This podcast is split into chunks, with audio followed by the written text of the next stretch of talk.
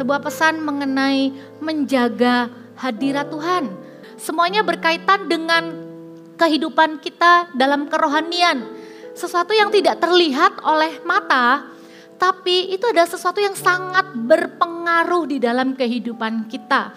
Kalau ngomong soal hadirat Tuhan, kita bertumbuh ya di dalam pengenalan kita akan hadirat Tuhan. Dulu waktu kecil saya pikir hadirat Tuhan itu adanya di gereja. Jadi dulu waktu saya masih ingat kalau ada masalah di sekolah gitu, saya lari pulang, saya pengen dapat damai, saya pengen ketemu Tuhan, saya larinya ke gereja, duduk di bangku kosong gitu tuh saya nangis, saya ngadu sama Tuhan. Walaupun tahu sih di rumah bisa berdoa, tapi tetaplah gereja itu satu tempat yang istimewa. Saya kenal hadirat Tuhan dan ketika saya menoleh ke belakang, Tuhan itu yang terlebih rindu, kita mengenalnya. Jadi Tuhan itu tidak susah untuk dikenali. Tuhan kita Bapak Ibu bukanlah Tuhan yang jauh. Yang susah rasanya untuk didekati. Susah rasanya untuk mendekat sama Tuhan itu susah. Enggak. Yang susah itu dari sisi kita. Kalau dari sisi Tuhan, janji Tuhan katakan di Yakobus 4 ayat 8, kita lihat firman Tuhan bilang begini, "Mendekatlah kepada Allah dan Ia akan mendekat kepadamu." Artinya cuma dibutuhkan satu langkah dari kita untuk mendekat kepada Dia, maka Dia pun akan mendekat kepada kita. Tidak ada persyaratan apa pun. Kalau zaman dulu perjanjian lama, iya memang harus ada persembahan ini dan itu. Bahkan harus ada perantara atau namanya imam besar. Tapi sejak Tuhan Yesus mati di kayu salib, tirai bait suci terbelah, lambang bahwa kita sudah tidak perlu pengantara lagi. Kita bisa langsung datang kepada Tuhan. Hadirat Tuhan itu bukanlah tempat. Kalau hadirat Tuhan itu adalah sebuah tempat atau lokasi, maka kita perlu menuju ke sana. Hadirat Tuhan itu ngomong soal hubungan. Saya percaya gereja kita tidak akan pernah bosan-bosannya membawa jemaat Tuhan bukan hanya setia, rajin, bahkan rajin pelayanan bukan jaminan kita didapati sebagai orang yang menjaga hadirat Tuhan. Menjaga hadirat Tuhan itu artinya menjaga hubungan dengan Tuhan menjaga hubungan dengan Allah yang dekat dengan kita namanya pribadi Roh Kudus. Menjaga hadirat Tuhan itu seperti kita itu hosting seseorang kita itu kita pernah ya kalau kita itu pernah dipercaya mungkin oleh atasan kita dapat satu kesempatan menemani mungkin setengah hari aja orang yang begitu penting maka kita akan sadari kehadirannya anggap dia penting, kita akan perlakukan dengan baik, kita jaga perasaannya, kita hosting, kita cari dia suka makan apa, kita temenin. Tidak mungkin kita tinggal, pasti kita temenin sepanjang dipercayakan kepada kita. Bapak Ibu, Roh Kudus itu diberikan untuk menjadi sahabat dalam kehidupan kita. Roh Kudus itu yang membuat kita dengan mudah mengalami yang namanya hadirat Tuhan di mana pun kita berada. Tanpa perlu kita melakukan liturgi A dan B. Tidak perlu ada seperti satu metode khusus. Dia itu hanya sejauh kerinduan kita kepada dia. Setiap kali kita merasa hidup ini kosong, kita merasa hambar, kita tuh bisa membedakan mana hadirat Tuhan dan mana bukan. Kita bisa tahu manusia itu dikasih sama Tuhan itu kepekaan. Kadang kita datang ke sebuah rumah, walaupun kita itu ndak kenal betul, tapi kita tahu cara mereka berinteraksi satu dengan yang lain. Kita masuk rumah yang hangat, yang keluarganya tuh saling mengasihi, kita bisa rasakan ada damai bukan? Tapi kita bisa masuk satu rumah yang kosong, walaupun mungkin perabotannya mewah, tapi hubungannya dingin. Kita bisa kerasa atmosfer seperti apa yang ada di rumah itu.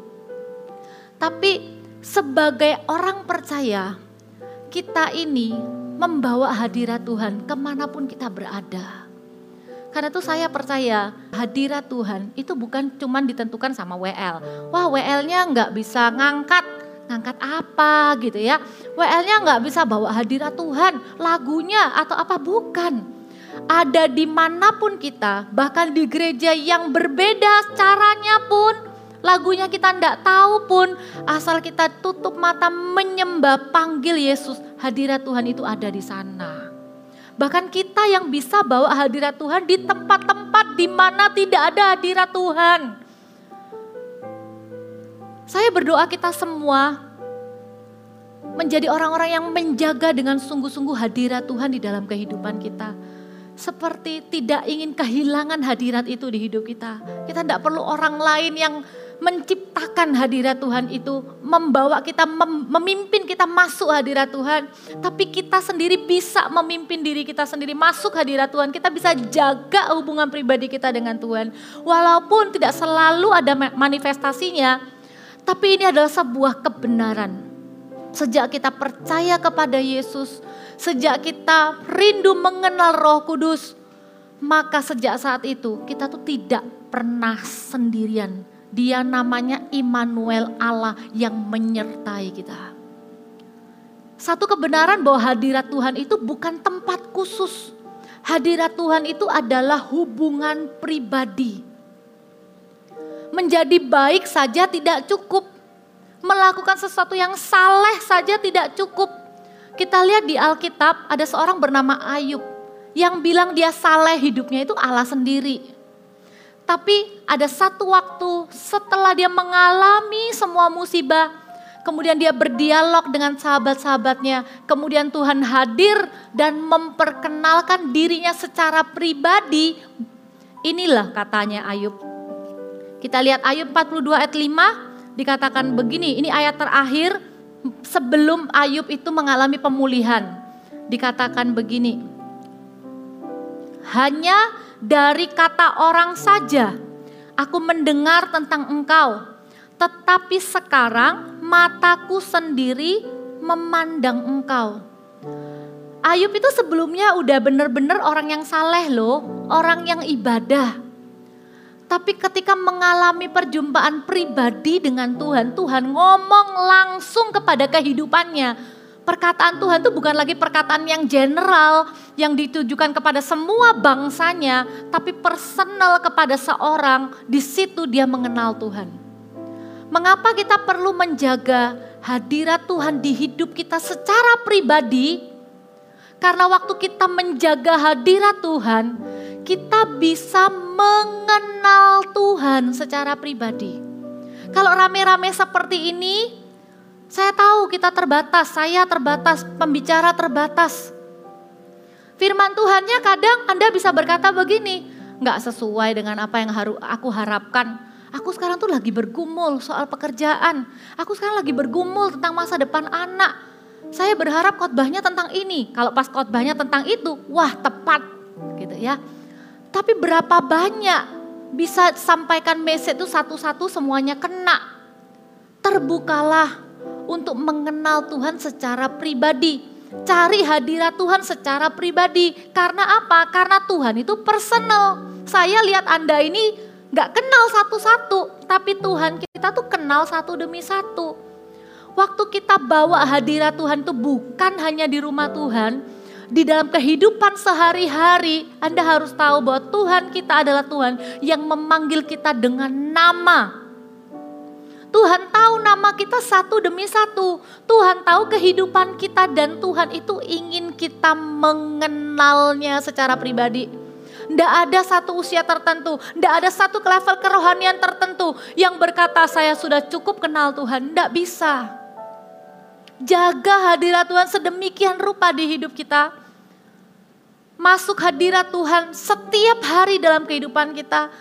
Bukan hanya waktu kita ada di gereja saja atau ada di CG saja atau ada di acara rohani saja. Tapi 24 jam, 7 hari, 365 hari kita hidup dengan sebuah kesadaran bahwa Tuhan itu ada dan dia dekat dengan setiap kita. Itu yang akan membuat kita mengenalnya. Dan Anda tahu keajaiban dari mengenal Tuhan itu apa? Semakin kita mengenal Tuhan, kita tuh semakin mengenal diri kita sendiri. Semakin kita mengenal Tuhan, kita tuh tahu kita ini dicintai sama Tuhan. Kita ini berharga di hadapan Tuhan. Berapa banyak kalau kita hidup di dalam dunia kenyataan, kita lupa bahwa kita berharga. Seringkali perlakuan orang dengan gampang langsung mengubah status kita. Waktu orang memuji kita, kita langsung berharga, merasa berharga, merasa penting. Waktu orang gak puji kita, tapi orang justru kasih masukan sama kita, detik itu juga kita langsung berubah. Suami yang sudah kasih yang terbaik pulang dapat masukan dari istri langsung down. Merasa gagal. Sudah berusaha yang terbaik di tempat kerja, tapi pemimpin tidak bisa lihat itu. Bisa langsung jati dirinya langsung goyang. Aku ini signifikan gak ya? Aku ini penting gak ya? Aku ini berharga gak? Apa yang di dunia ini kerjakan selalu membuat roh kita itu miskin kata firman Tuhan. Kita tidak punya satu kebenaran yang absolut tentang siapa Tuhan di hidup kita dan siapa kita di hadapan Tuhan. Karena itu masuk hadirat Tuhan, bawa hadirat Tuhan, jaga hadirat Tuhan di hidup kita. Supaya kita tidak perlu cari identitas itu di luar sana. Kalau nyanyi itu sungguh-sungguh, nyembah Tuhan itu sungguh-sungguh. Saya paling salut kalau lihat orang itu jadi apa adanya di hadirat Tuhan. Tidak jaim, nari ya nari, nangis ya nangis. Karena waktu di hadirat Tuhan itulah jati diri kita siapa itu ditentukan. Kita kenal Tuhan secara pribadi. Kita jadi kenal diri kita ini siapa. Bapak Ibu, berapa banyak orang yang menghabiskan waktunya cuma menjawab pertanyaan, aku ini siapa? Aku ini lahir di dunia ini tuh untuk apa? Tujuan hidupku ini apa? Banyak orang itu berpikir kalau aku berhasil, maka orang akan hargai. Bapak Ibu dengarkan, keberhasilan kita di dunia ini tidak menambah rasa berharga kita. Kegagalan kita tidak mengurangi rasa berharga kita. Hadirat Tuhan di hidup kita itu tempat yang paling aman. Hadirat Tuhan yang di hidup kita itu yang membuat kita tuh kenal Tuhan kita tuh siapa dan kita ini siapa. Siapa kita tuh nggak digantung dari opini orang, perkataan orang tentang kita. Jangan diizinkan membentuk kita. Tapi apa yang Tuhan katakan tentang kita, itu yang paling kita pegang. Amin. Amin. Karena itu kembalikan lagi ke firman. Kadangkala kalau kita masuk hadirat Tuhan, yang paling sering saya alami waktu saya masuk hadirat Tuhan, saya tuh menemukan Allah yang mengasihi. Allah yang tidak pernah menghakimi. Allah yang tidak pernah membuat saya merasa tidak layak, tidak pernah. Karena itu kita butuh hadirat Tuhan di hidup kita setiap hari. Supaya kita dapat kekuatan. Bagaimana kita bisa mengasihi orang. Kalau kita sendiri nggak merasa kita ini dicintai oleh Tuhan. Kita nggak punya kemampuan untuk mengasihi orang lain. Kita nggak punya energi yang cukup untuk mengasihi orang lain. Karena hati kita sendiri itu kosong. Kita nggak punya kasih untuk dibagikan. Coba cek hari-hari ini. Bagaimana kondisi hati kita? Apakah kita orang yang berbahagia? Bukan berarti ya semua orang pasti punya masalah ya. Tapi orang yang punya hadirat Tuhan di hidupnya, masalah itu nggak akan mengambil sukacitanya. Karena dia tahu masalah ini dihadapi nggak dengan sendirian. Satu-satunya satu keyakinan teguh yang saya terima sejak saya mengalami baptisan Roh Kudus dengan tanda berbahasa lidah adalah sebuah kebenaran bahwa saya tidak pernah sendiri. Itu aja. Pribadi Roh Kudus itu diberikan untuk menolong kita. Dan itu adalah sebuah garansi utama. Kenalah Tuhan. Kenalah Tuhan.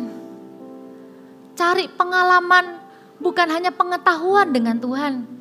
Tiap hari libatkan Tuhan dalam kehidupan kita sehari-hari hadirat Tuhan itu bukan hanya di hari Minggu. Coba kita praktekkan.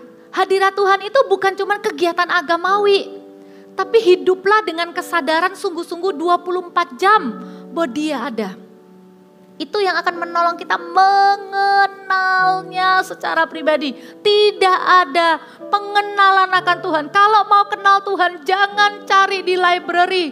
Kenal Tuhan bukan dari buku-buku apa pun selain Alkitab. Minta supaya firman Tuhan dan Roh Kudus mengenalkan pribadinya dalam kehidupan kita, maka kita akan tahu betapa berharganya pribadi itu dalam hidup kita. Itu yang Ayub katakan. Aku tuh selama ini cuma kenal Tuhan tuh dari kata orang, tapi sekarang aku tuh ngalami sendiri. Mataku sendiri memandang Engkau. Saya kenal Tuhan sebagai papa. Itu justru ketika saya sudah tidak punya papa di dunia. Dan butuh waktu untuk menerima pengenalan itu saya tahu ayat firman Tuhan yang katakan dia Bapak. Tapi sampai benar-benar saya kehilangan papa saya yang di dunia, sedih rasanya. Baru saya bisa kenal dia sebagai Bapak. Bapak di surga itu benar-benar bukan cuman lips service atau basa-basi, tapi benar-benar sebagai Bapak. Siapakah Allah yang Anda kenal, Bapak Ibu Saudara? Kita punya Allah yang personal yang ingin kita mengenalnya terus dan menerus secara pribadi. Jangan sampai izinkan posisi kerohanian tertentu, jangan sampai izinkan pelayanan di level tertentu membuat kita biasa lagi dengan hadirat Tuhan. Membuat kita merasa aku sudah expert soal hadirat Tuhan, aku sudah expert tentang Tuhan. Kenalah dia rindukan mengenalnya secara pribadi lagi dan lagi. Masuk hadirat Tuhan setiap hari dalam kehidupan kita. Amin. Dan yang kedua, kenapa kita perlu menjaga hadirat Tuhan di hidup kita? Karena di hadirat Tuhanlah karakter kita tuh diubahkan. Karakter kita itu diubah di hadirat Tuhan. Kita lihat ada satu kebenaran, ini memang seperti penglihatan yang dilihat di zaman Eh, Yohanes Pembaptis, ditulis di kitab Wahyu, tapi ini menggambarkan sebuah situasi di mana ada sebuah tahta. Bapak Ibu, jangan pernah menganggap remeh hadirat Tuhan. Allah yang kita sembah itu Allah yang kudus. Walaupun dia baik, dia mengasihi, tapi dia itu Allah yang mulia dan kudus. Kasih karunia itu harusnya membuat kita semakin menghargai kekudusan Allah. Dan waktu kita menghargai hadirat Allah di hidup kita, maka sedikit demi sedikit setiap hari, setiap sifat, karakter kita pasti diubah di dalam hadirat Tuhan.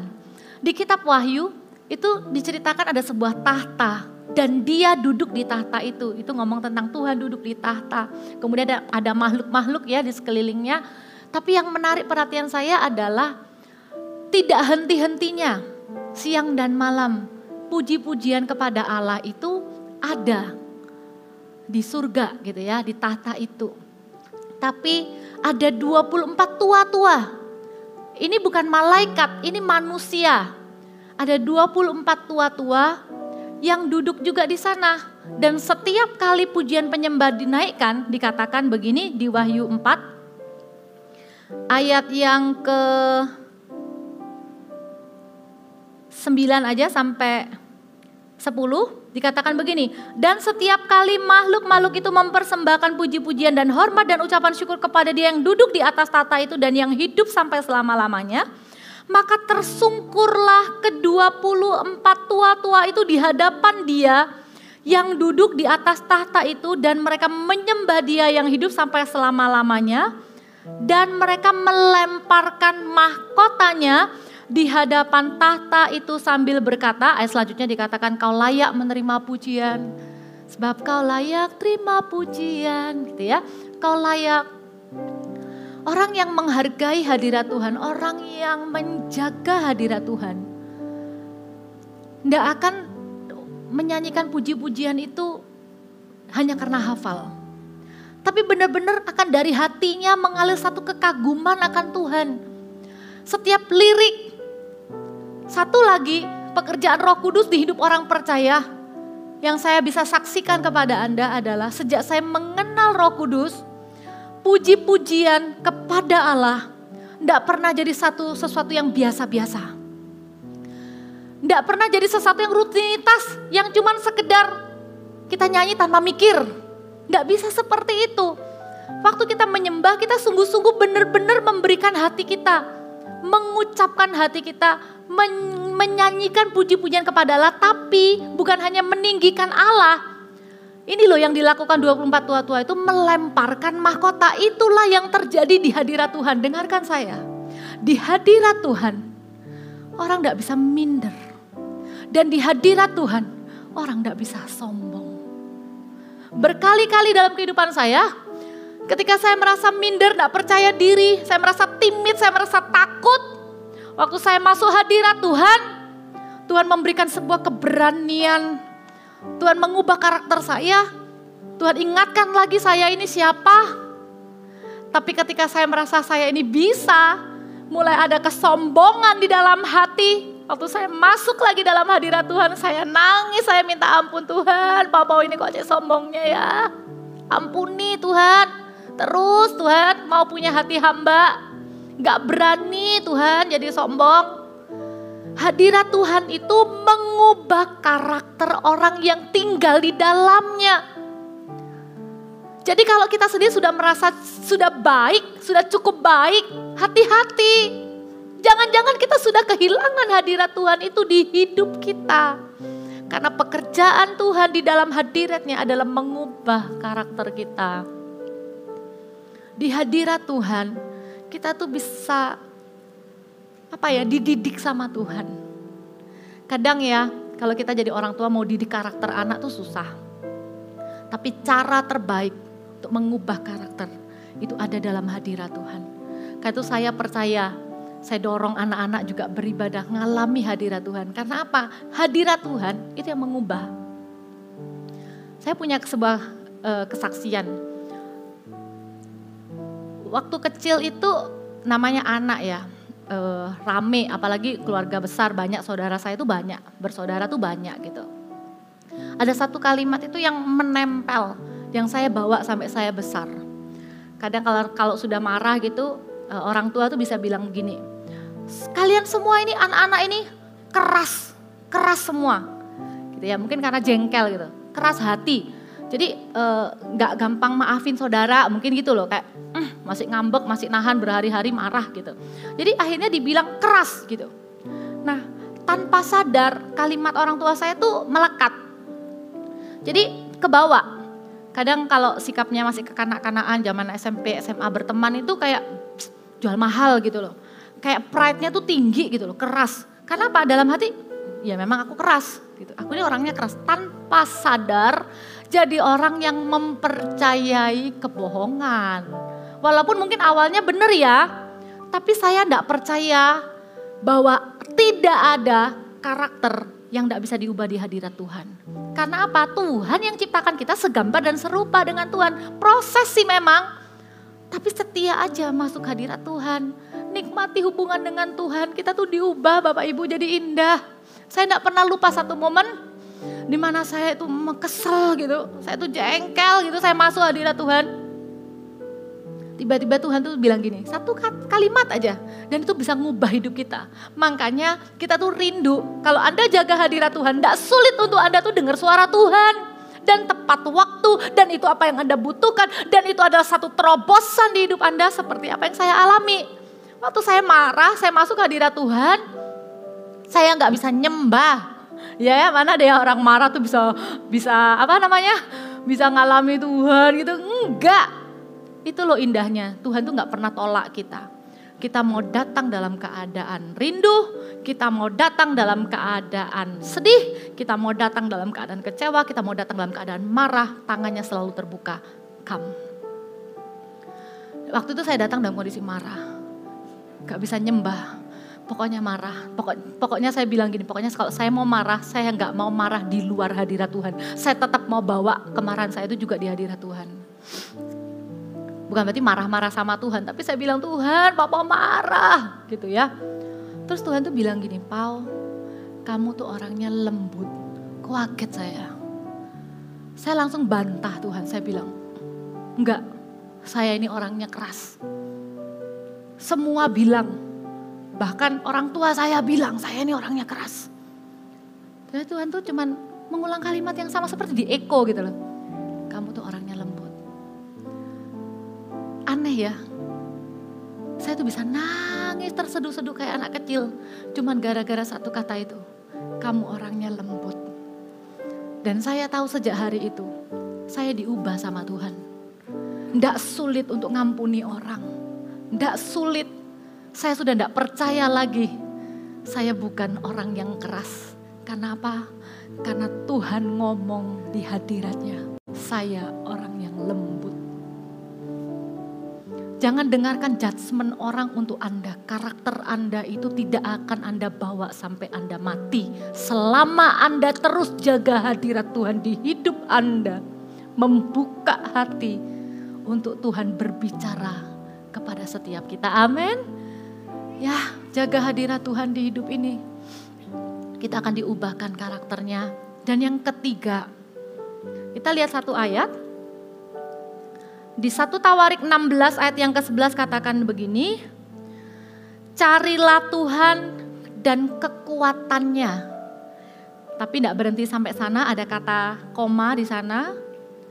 Carilah wajahnya selalu. Waktu saya baca ayat ini saya dapat satu hikmat begini. Waktu kita jaga hadirat Tuhan, waktu kita jaga hubungan kita dengan Tuhan, waktu kita rindukan pribadinya, waktu kita menyembah Tuhan, gak usah mikir apa pun yang lain, cuma nyembah aja, nurut aja sama Tuhan. Pengurapan Tuhan akan ada di hidup kita. Apa itu pengurapan? Pengurapan itu adalah kemampuan Tuhan, bukan kemampuan kita. Sesuatu yang supernatural yang melampaui kekuatan kita sebagai manusia biasa. Itu akan mengalir keluar dari hubungan pribadi kita dengan Tuhan. Bukan hanya lewat tumpang tangan, saya percaya penumpangan tangan pemimpin. Tapi saya percaya bahwa hubungan pribadi kita dengan Tuhan itu adalah sumber pengurapan di hidup kita. Bapak Ibu, jangan anti dulu dengan kata pengurapan. Pengurapan itu bukan cuma simbol dengan minyak. Kadangkala ya kita waktu didoakan tuh kita tuh nggak ngalami apa-apa, nggak apa-apa, nggak harus juga pura-pura alami apa-apa. Tapi saya tahu dengan pasti kalau orang percaya berjalan dengan Tuhan, waktu ada hal-hal yang di luar kemampuan kita terjadi, di situlah pengurapan itu bekerja. Jangan kejar pengurapannya. Kejar hubungan pribadinya dulu. Perjuangkan bangun hubungan pribadinya dulu. Maka pengurapan itu akan dengan sendirinya mengalir. Firman Tuhan bilang iya benar kita ini cari Tuhan. Cari kita ini cenderung kita ini sebagai manusia lebih senang, lebih terbiasa, lebih terdorong untuk mencari kekuatan Tuhan. Enak ya ditolong Tuhan. Enak ya kita bisa ngalamin pertolongan dan ada terobosan. Enak ya pengurapan Tuhan tuh bikin sesuatu yang tidak mungkin jadi mungkin di hidup kita. Enak ya pengurapan Tuhan menolong kita hadapi masalah. Pengurapan Tuhan bikin mujizat di hidup kita. Semua itu iya dan amin Tuhan sediakan. Itu kekuatan Tuhan di hidup kita. Itu pengurapan Tuhan di hidup kita. Tapi firman Tuhan bilang koma. Carilah wajahnya. Kapan terakhir kita cari Tuhan? Bukan karena kita pengen pertolongannya. Kapan terakhir kita cari Tuhan? Hanya cuman pengen deket, menyembah dan menyenangkan hatinya aja. Kapan kita terakhir cari Tuhan? Bukan karena kita butuh sesuatu dari Tuhan tapi karena kita mau jaga hadiratnya di hidup kita. Karena pribadinya begitu berharga buat hidup kita. Doaku gak dijawab gak apa-apa. Asal aku gak kehilangan hadirat Tuhan di hidupku. Aku belum sembuh walaupun aku sudah berdoa. Gak apa-apa. Asal setiap hari aku berjalan dengan Tuhan. Saya berdoa kita semua nggak cuma cari kekuatan Tuhan, tapi waktu kita cari wajah Tuhan, tenang aja. kita akan ketemu dengan hikmatnya, kita akan ketemu dengan kekuatannya, kita akan ketemu dengan pertolongannya. Tapi jangan lupa carilah wajahnya. Saya bayangkan hati Bapak sekarang ini seperti itu. Seperti seorang papa yang pengen anaknya tuh datang cuman untuk spend time. Mendengarkan, mengasihi, dekat, jalan sama-sama. Seperti itulah hati Tuhan buat setiap kita. Dan apa yang membuat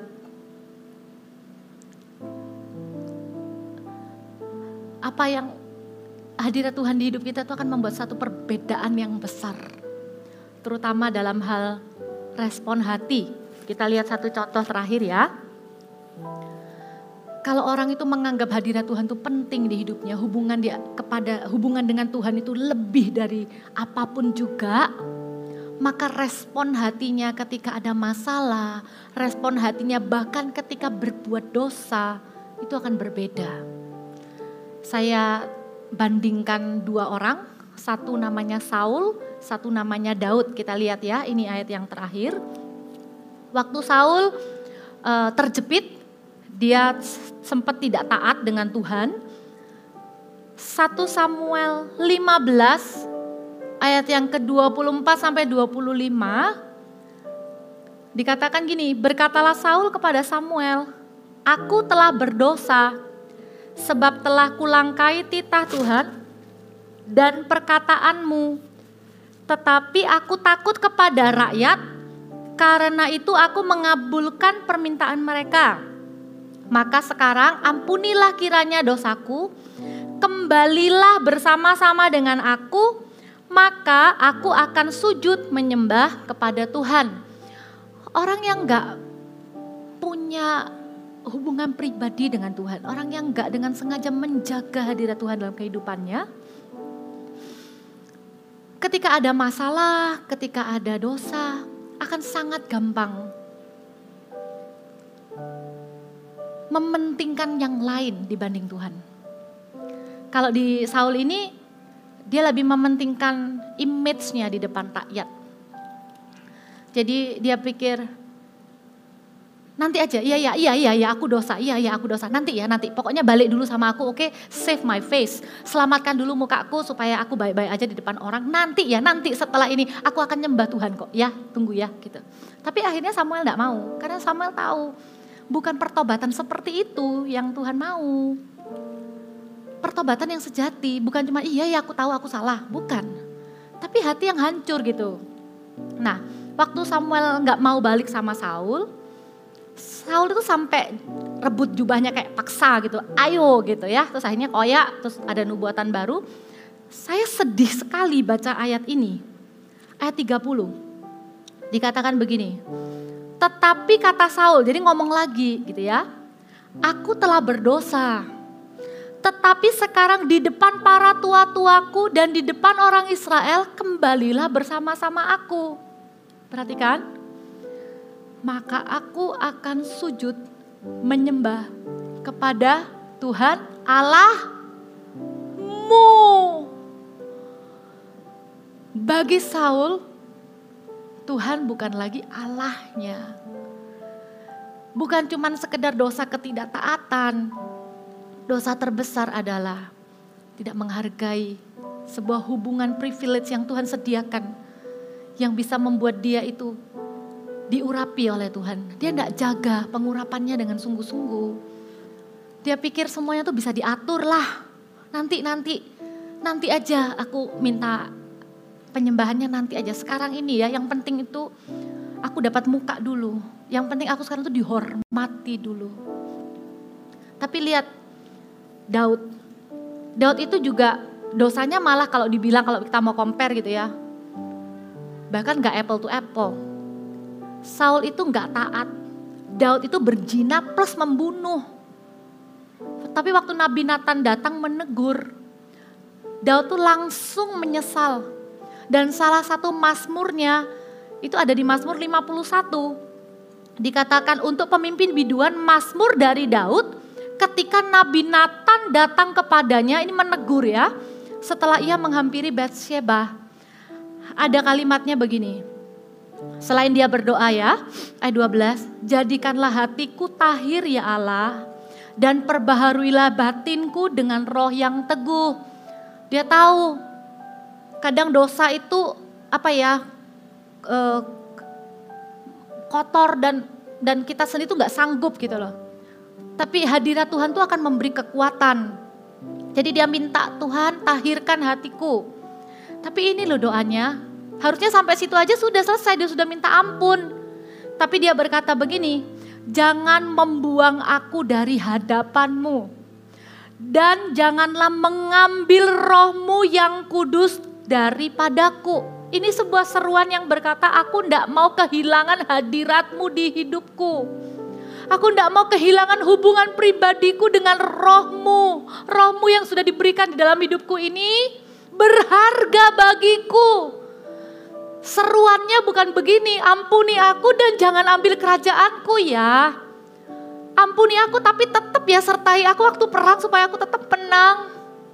Buat Daud, hubungan dengan Tuhan itu segala-galanya lebih penting dari apa pun juga. Bapak Ibu, apa yang saya sampaikan mungkin gak ada hubungannya dengan bisnis Anda. Tapi kalau Anda membangun hubungan pribadi Anda dengan Tuhan dengan benar, Anda mengasihi Tuhan dengan tulus, Anda menjaga hadiratnya di hidup ini.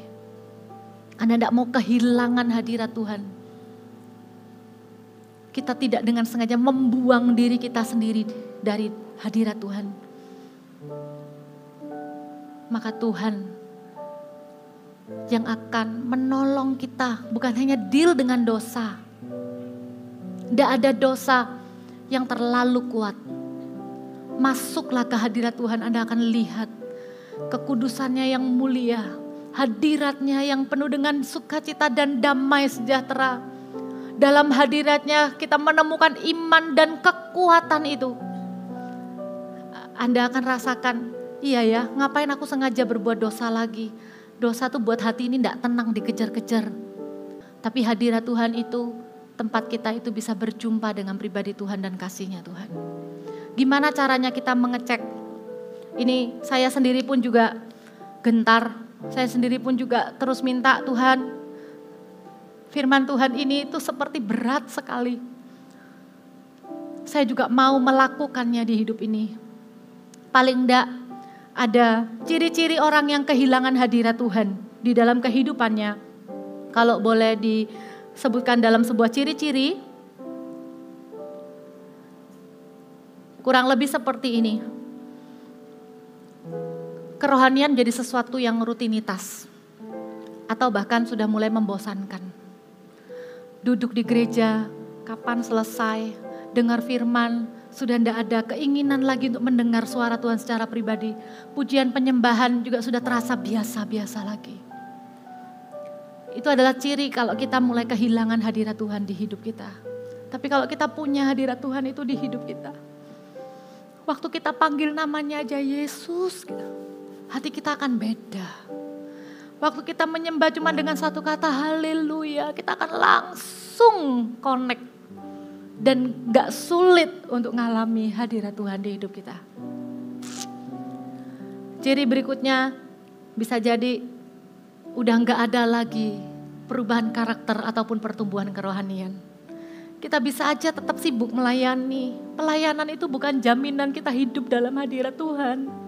Pelayanan itu bukan jaminan kita punya hadirat Tuhan di hidup kita. Kita perlu cek dengan sengaja. Ada nggak karakter yang diubahkan? Ada nggak pertumbuhan kerohanian?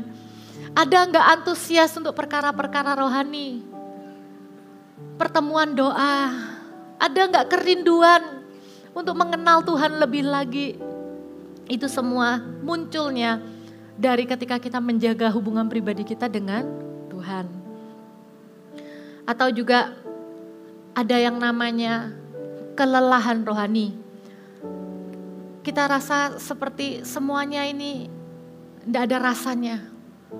Bukan cuman membosankan tapi biasa-biasa. Kita dengar kesaksian orang sudah tidak ada rasanya. Kita lihat orang di jamaah Tuhan kita sudah merasa itu biasa. Kita merasa tidak punya kekuatan. Kita sudah tidak antusias lagi. Kita udah capek rasanya. Kita merasa masalah kita sendiri sudah berat. Jadi kita tidak punya ruang untuk melakukan apa yang menjadi isi hati Tuhan. Itu adalah tanda bahwa ternyata waktu kita menghadapi masalah itu kita hadapi pakai kekuatan sendiri. Kita nggak punya hadirat Tuhan di hidup kita. Karena beda. Kita cek ya sama-sama. Saya doa hari ini setiap jemaat berapapun usia Anda, Anda ngalami lagi yang namanya hadirat Tuhan. Indahnya ada di hadirat Tuhan. Indah ya. Tapi tidak berhenti sampai di pintu itu. Jaga hadirat Tuhan itu di hidup kita bawa setiap hari seperti orang tuh sedang hosting seseorang yang begitu penting. Sampai minggu depan ketemu lagi di tempat ini. Paling enggak ada hadirat Tuhan lagi di hidup ini. Dibangunnya dengan apa? Bereskan dosa. Beda ya, digoda dosa kemudian kita ups gitu, segera balik, segera akui. Tapi kalau ada dosa yang dihidupi, karena kita berpikir toh nggak ada orang yang tahu. Toh ini sudah jadi sesuatu yang seperti kehidupan ganda. Di satu sisi memelihara dosa, di satu sisi tetap melayani. Kita pikir ini bisa imbang. Tuhan tuh nggak gitu caranya. Tuhan akan terus kejar area yang itu.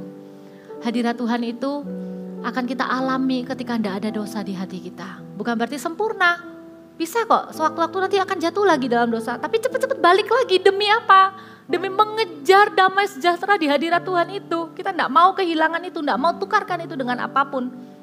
Yang kedua, bangun kehidupan doa pujian penyembahan dan firman. Saat teduh, kita tidak bisa saat teduh sendiri, ikut saat teduh yang ada.